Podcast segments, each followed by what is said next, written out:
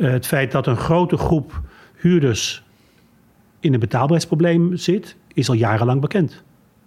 Dat is niet nu voor het eerst. Het is niet in 2020 dat het probleem voor het eerst ontstaan is. En ik vind dat het eh, een grote urgentie heeft om het nu daadwerkelijk op te pakken. Liefst een kwart van de huurders heeft moeite om alle rekeningen te betalen. We hebben het dan in totaal over 800.000 huishoudens. Vaak redden ze het net aan om rond te komen, maar dan moet bijvoorbeeld de wasmachine niet kapot gaan. Deze mensen kunnen niet in goedkopere woningen terecht, want die zijn er niet en worden ook niet bijgebouwd. Want bouwen, dat wordt steeds duurder. We hebben dus twee problemen die steeds groter worden en elkaar ook versterken. Mijn naam is Quinten Wierenga en in deze aflevering van Meer dan een huis, een podcastserie van de Edes, hebben we het over de sluipende betaalbaarheidscrisis. In de zoektocht naar een oplossing voor deze crisis ga ik eerst langs bij Arjen Vliegentart, directeur van het Nibud, het kenniscentrum voor de huishoudportemonnee. Ze maken onder meer huishoudboekjes waarin je precies kunt zien wat iemands inkomsten en uitgaven zijn. Zoals van een gezin. Vader, moeder met twee kinderen van 6 en 14 die leven van een bijstandsuitkering. Laten we ze de familie Peters noemen. Aan de keukentafel nemen we hun huishoudboekje door. En dan zien we dat daar netto zo'n 22, 2100 euro binnenkomt. Uh, en daar moeten ze, het, moeten ze het van doen. En dan brengen wij in kaart waar dat geld allemaal heen gaat. En dan kun je denken aan uh, gas, elektriciteit, zorg, boodschappen, kleding. En zo berekenen we ook wat op een zinvolle manier beschikbaar is voor het betalen van de huur.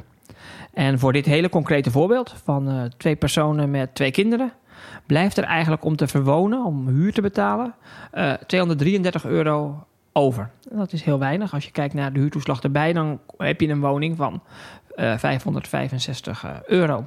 En dat is natuurlijk, geeft best precies aan waarom ook betaalbaarheid een, een reëel probleem is voor grote groepen in onze samenleving. Die woningen zijn er niet, of nauwelijks. Uh, en dat betekent dus dat heel veel huishoudens ook op andere uitgaven moeten bezuinigen om hun woning te kunnen betalen. In het rekenvoorbeeld van het Nibud is exact te zien waar de familie Peters geld aan uitgeeft. Zo wordt er maandelijks 165 euro uitgegeven aan gas, water en licht en kosten de zorgverzekeringen bij elkaar 298 euro.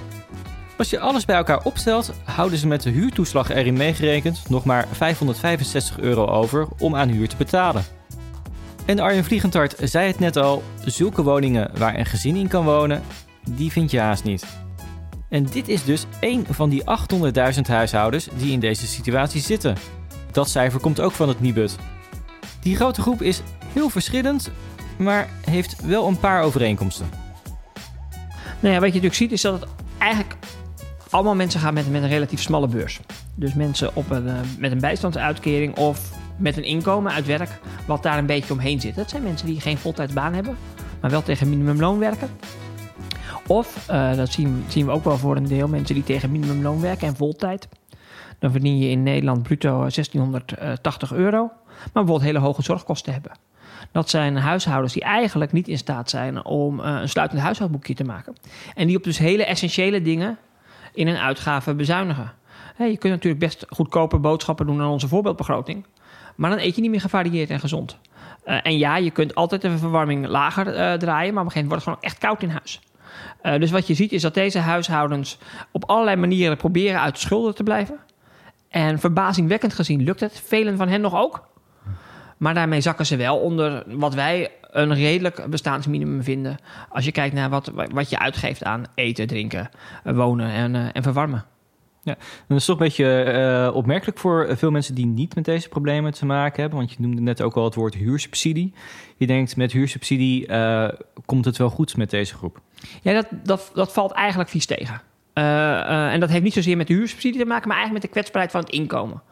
Uh, namelijk het inkomen is gewoon laag. En daar moet heel veel van, van gebeuren. En ja, als je een duurdere woning hebt, krijg je ook meer huursubsidie. Dus uh, in dat opzicht uh, zit er een dempend effect in. maar tegelijkertijd betekent dat nog steeds dat die woonlasten een, grote, een, grote, een grote last zijn in, in, in dat huishoudboekje. En wat je natuurlijk ziet is dat een huis vaak ook veel meer is dan alleen een dak boven je hoofd. Het is ook de, de grond onder je bestaan. Dus mensen doen er alles aan om die huur wel te blijven betalen. En we zien dus dat ook achterstanden bij betalingen eerder op andere rekeningen beginnen. dan bij, uh, bij de huur. Als mensen de huur niet meer gaan betalen, dan zitten ze echt diep in de financiële problemen vaak. Dat brengt ons bij de volgende simpele vraag. Zijn de huren te hoog of zijn de inkomens te laag? En zoals vaker bij eenvoudige vragen is het antwoord uitgebreider dan dat je denkt. Want voor een verhuurder moet het wel rendabel zijn om een woning te verhuren. Zelf elke maand geld toeleggen op een woning, dat houdt natuurlijk geen enkele verhuurder vol. En daar zien we gelijk al een probleem. Het wordt namelijk steeds duurder om een woning te bouwen. Ik ga langs bij Johan Konijn. Hij is directeur woningcorporaties bij Finance Ideas. Zij geven financiële adviezen aan maatschappelijke ondernemingen zoals woningcorporaties. En ik begin met de vraag hoeveel verlies? Want ja, verlies is er nu altijd. Maakt een woningcorporatie bij het bouwen van een woning? Gemiddeld genomen, dat verschilt heel erg van uh, berekeningswijze en omstandigheden. Gemiddeld genomen wordt er verlies geleden ongeveer 70 tot 60 procent op de woning. Dus een woning van 2 ton levert een verlies op van 120.000 euro.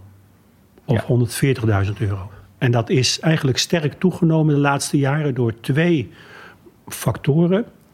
Uh, de bouwkosten zijn enorm gestegen. En het wordt niet gecompenseerd door een verhoging van de huur. Ook vanwege de betaalbaarheid, waar we daar nog verder over zullen praten.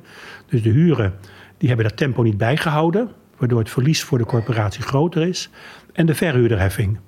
Want de verhuurderheffing is ook een kostenpost die eh, in rekening moet worden gebracht, waardoor er eh, de woningen meer verlies lijden. Voor de oorsprong van deze twee problemen moeten we teruggaan naar de financiële crisis. De bouw raakte in het slop. Er verdwenen veel mensen uit die sector, waardoor er nu nog altijd een tekort is. En ook die verhuurderheffing die corporaties nu betalen is rechtstreeks terug te voeren op de crisis. Want de overheid voerde die heffing in 2013 in om de eigen tekorten aan te vullen. Johan Konijn zegt onomwonden dat verkeerd beleid van het vorige kabinet daarmee voor de huidige situatie van te dure woningen heeft gezorgd. Uh, er zijn ook cijfers van het CBS waaruit blijkt dat er uh, honderdduizenden bouwvakkers de bedrijfstak hebben verlaten. En die komen niet zo snel weer terug. En hoezo is dat de schuld van het kabinet geweest? Omdat het vorige kabinet uh, nagelaten heeft om een, een, een anticyclisch beleid te voeren. Uh, de woningbouw is enorm ingezakt bij het vorige kabinet.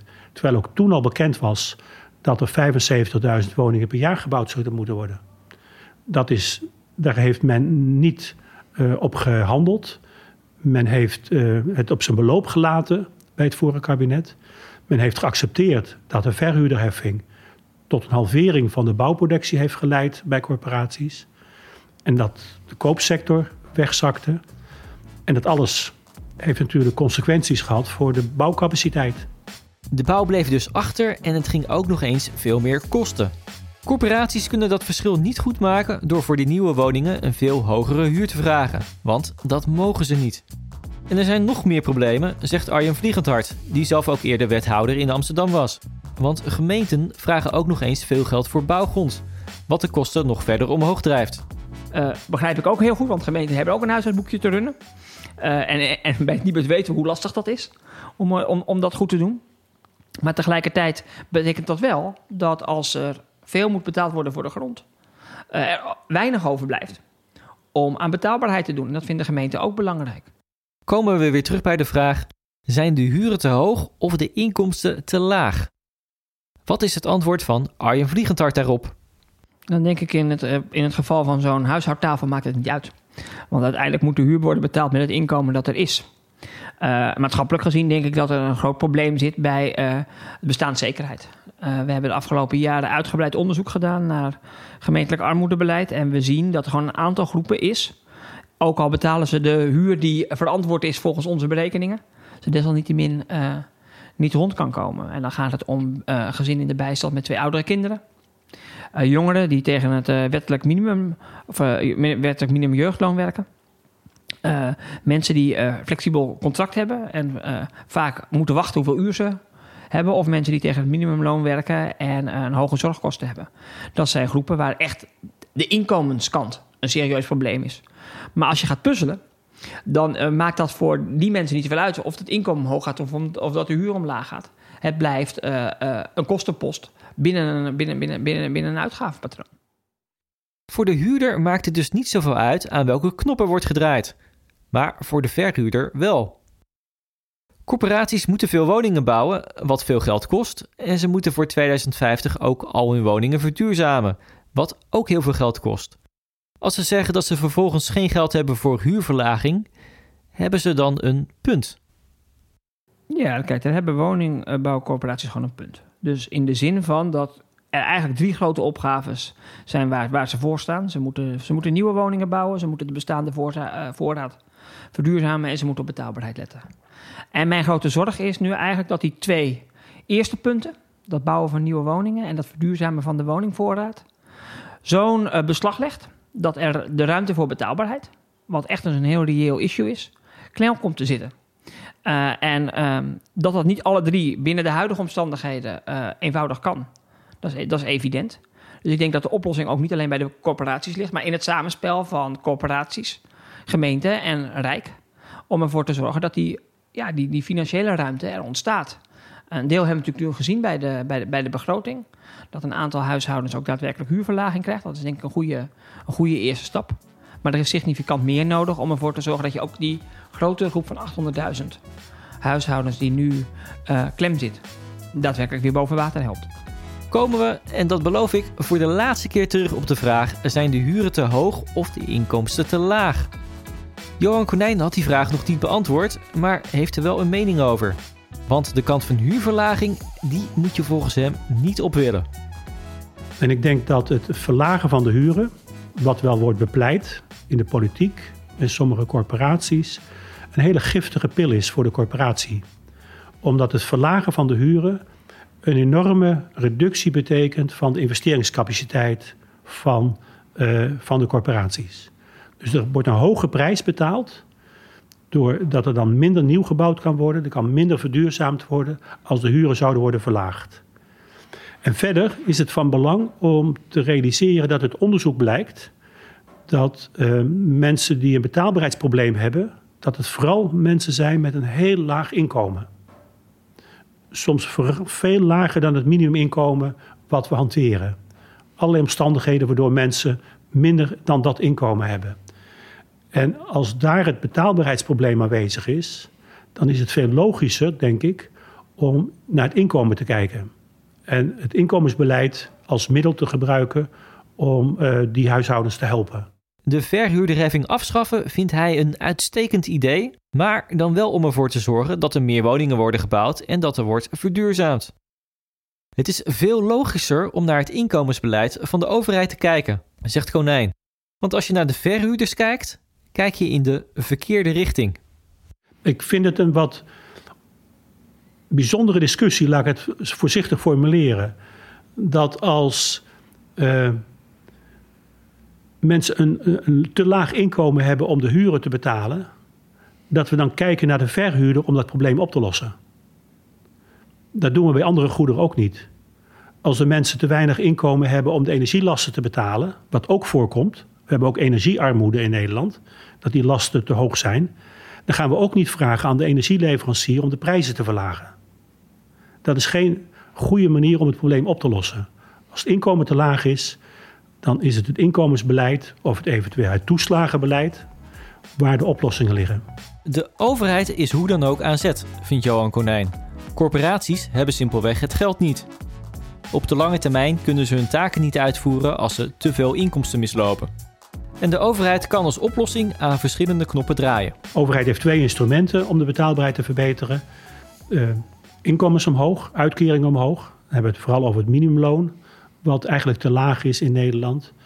En een ander instrument is nog de huurtoeslag. Daar kan de overheid ook in sturen en de betaalbaarheid verbeteren. In de politiek begint met name de oproep om het minimumloon te verhogen langzaam ook vaste voet onder de grond te krijgen. De SP is daar al jaren voorstander van, maar ook de PvdA, GroenLinks, D66 en het CDA pleiten er actief voor in hun verkiezingsprogramma's. Maar ja, het verhogen, dat kost wel wat is het wel te betalen? Het kost heel veel en het gaat uiteindelijk om politieke prioriteiten. Wat, wat vind je belangrijk in Nederland? En daar is de politiek ook voor om die keuzes te maken. Maar vanuit uh, de woonsector, om het zo maar te noemen, liggen duidelijk een aantal grote problemen die om oplossing vragen. Dat de overheid aan zet is om de sluipende betaalbaarheidscrisis op te lossen, vindt ook Arjen Vliegendhart. Want eigenlijk bij elk onderwerp dat we nu in deze aflevering hebben genoemd, is het de overheid die uiteindelijk aan de touwtjes trekt. Ja, kijk, de overheid heeft heel veel sleutels in handen. Uh, en uh, die hebben, gaan namelijk voor een deel over wie gaat er bouwen en tegen welke prijs. Uh, rond, de, rond, de, rond de gronduitgifte, dat zit natuurlijk nu vooral bij gemeenten. Maar gaan ook over hoeveel laten we de woningbouwcorporaties betalen in de vorm van de verhuurdersheffing. Dat is dan de Rijksoverheid. En tegelijkertijd gaan ze over de doelstellingen die er vaak op gemeentelijk en op rijksniveau worden gegeven voor nieuwbouw. Hoe duurzaam moet het? Uh, en, en wat kost dat? Dus je ziet dat eigenlijk een hele hoop stapelingen van uh, verschillende overheden ertoe leiden dat corporaties klem komen te zitten. Dus ja, de overheid heeft daarin een, een sleutel. Maar die is ook nog wel een beetje verspreid tussen de verschillende lagen van de, over, van de overheid. En daarom denk ik dat het wel goed is dat je weer wat integraler gaat denken aan iets als volkshuisvesting. Waarbij je daar de, de regierol, die toch traditioneel gezien bij de, bij de overheid, uh, Rijksoverheid ligt. En die zelfs nog in de grondwet verankerd is. Weer, weer oppakt. Er moet dus meer regie komen. Wellicht door minister van Wonen als opvolger van het ministerie van Vrom, dat tot 2010 die centrale regie bij de overheid had. Over de terugkeer van het ministerie is zelfs al een motie aangenomen door de Tweede Kamer. Maar dit kabinet zal niet zoveel meer doen, denkt Vliegend Hart. Nee, kijk, dit kabinet gaat naar de verkiezingen toe. Dus de afgelopen jaren is er natuurlijk uh, gewerkt aan, op tal van manieren. Maar hebben ze ook de nodige tegenslag gehad? Denk aan de discussies rond PFAS. Uh, en ook wel gewoon de erfenis van de, van de, van de afgelopen jaren met een verhuurdersheffing die ontzettend uh, de ruimte van, van corporaties beperkte. dus ik denk dat het nu wel zaak is om die visie in het nieuwe kabinet wat steviger in de verf te zetten. Ik denk dat, dat dat een grote uitdaging is. Wel een uitdaging voor het volgende kabinet dus.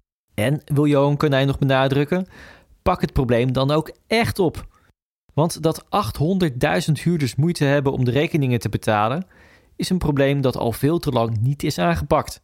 Ik denk dat we uh, niet moeten onderschatten hoe ingrijpend het betaalbaarheidsprobleem is voor huishoudens. Uh, mensen die jaar in jaar uit krap zitten, uh, die, dat heeft verdere consequenties voor het welbevinden van die mensen. Dat is erg ingrijpend.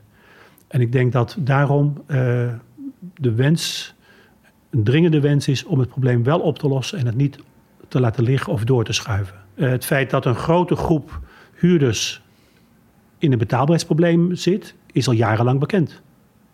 Dat is niet nu voor het eerst. Het is niet in 2020 dat het probleem voor het eerst ontstaan is. Het bestaat al een groot aantal jaren en het is ook door verschillende onderzoeken is dat goed gedocumenteerd hoeveel huishoudens in Nederland een betaalbaarheidsprobleem hebben.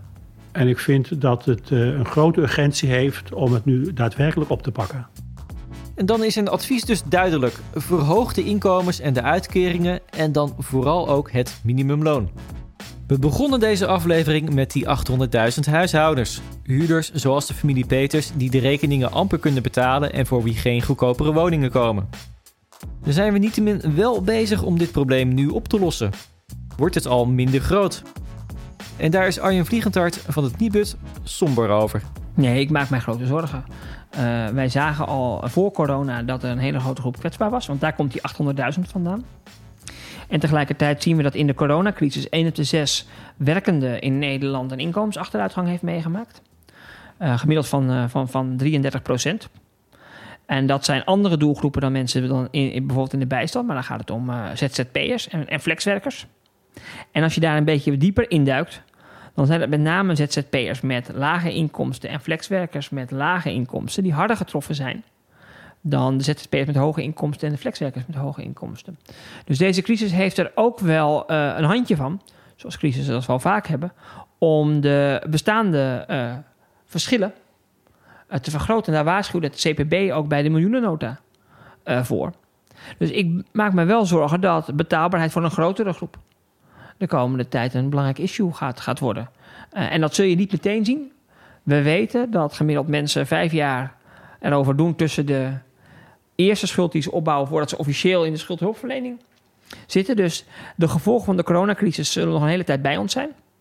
En ik zie gelukkig, uh, en daar word ik echt wel blij van, dat woningbouwcorporaties die handschoen hebben opgepakt. Die ook actief soms op zoek gaan naar huurders die een inkomensachteruitgang hebben. En tegelijkertijd is die coronasolidariteit, die woningbouwcorporaties nu te, aan de dag leggen, van ontzettend groot belang om die ook vol te houden. Ook als het gezondheidsvirus misschien verholpen is met een vaccin. Omdat we weten dat de financiële gevolgen vaak naeilen en veel langer bij ons blijven dan uh, de crisis als zodanig. Misschien dat wat kandidaat-Kamerleden naar deze podcast luisteren, waardoor we dat getal van 800.000 huurders die moeite hebben om de rekeningen te betalen, omlaag kunnen krijgen, in plaats van omhoog. Dit was deze aflevering van Meer dan een huis, een podcastserie van Edes. In de volgende aflevering gaan we het hebben over de leefbaarheid in woonwijken. Want die gaat in sommige wijken hard achteruit als we niet ingrijpen. Mijn naam is Quintin Wierenga en hoe dat komt en wat we er tegen kunnen doen, dat hoor je dus in de volgende aflevering.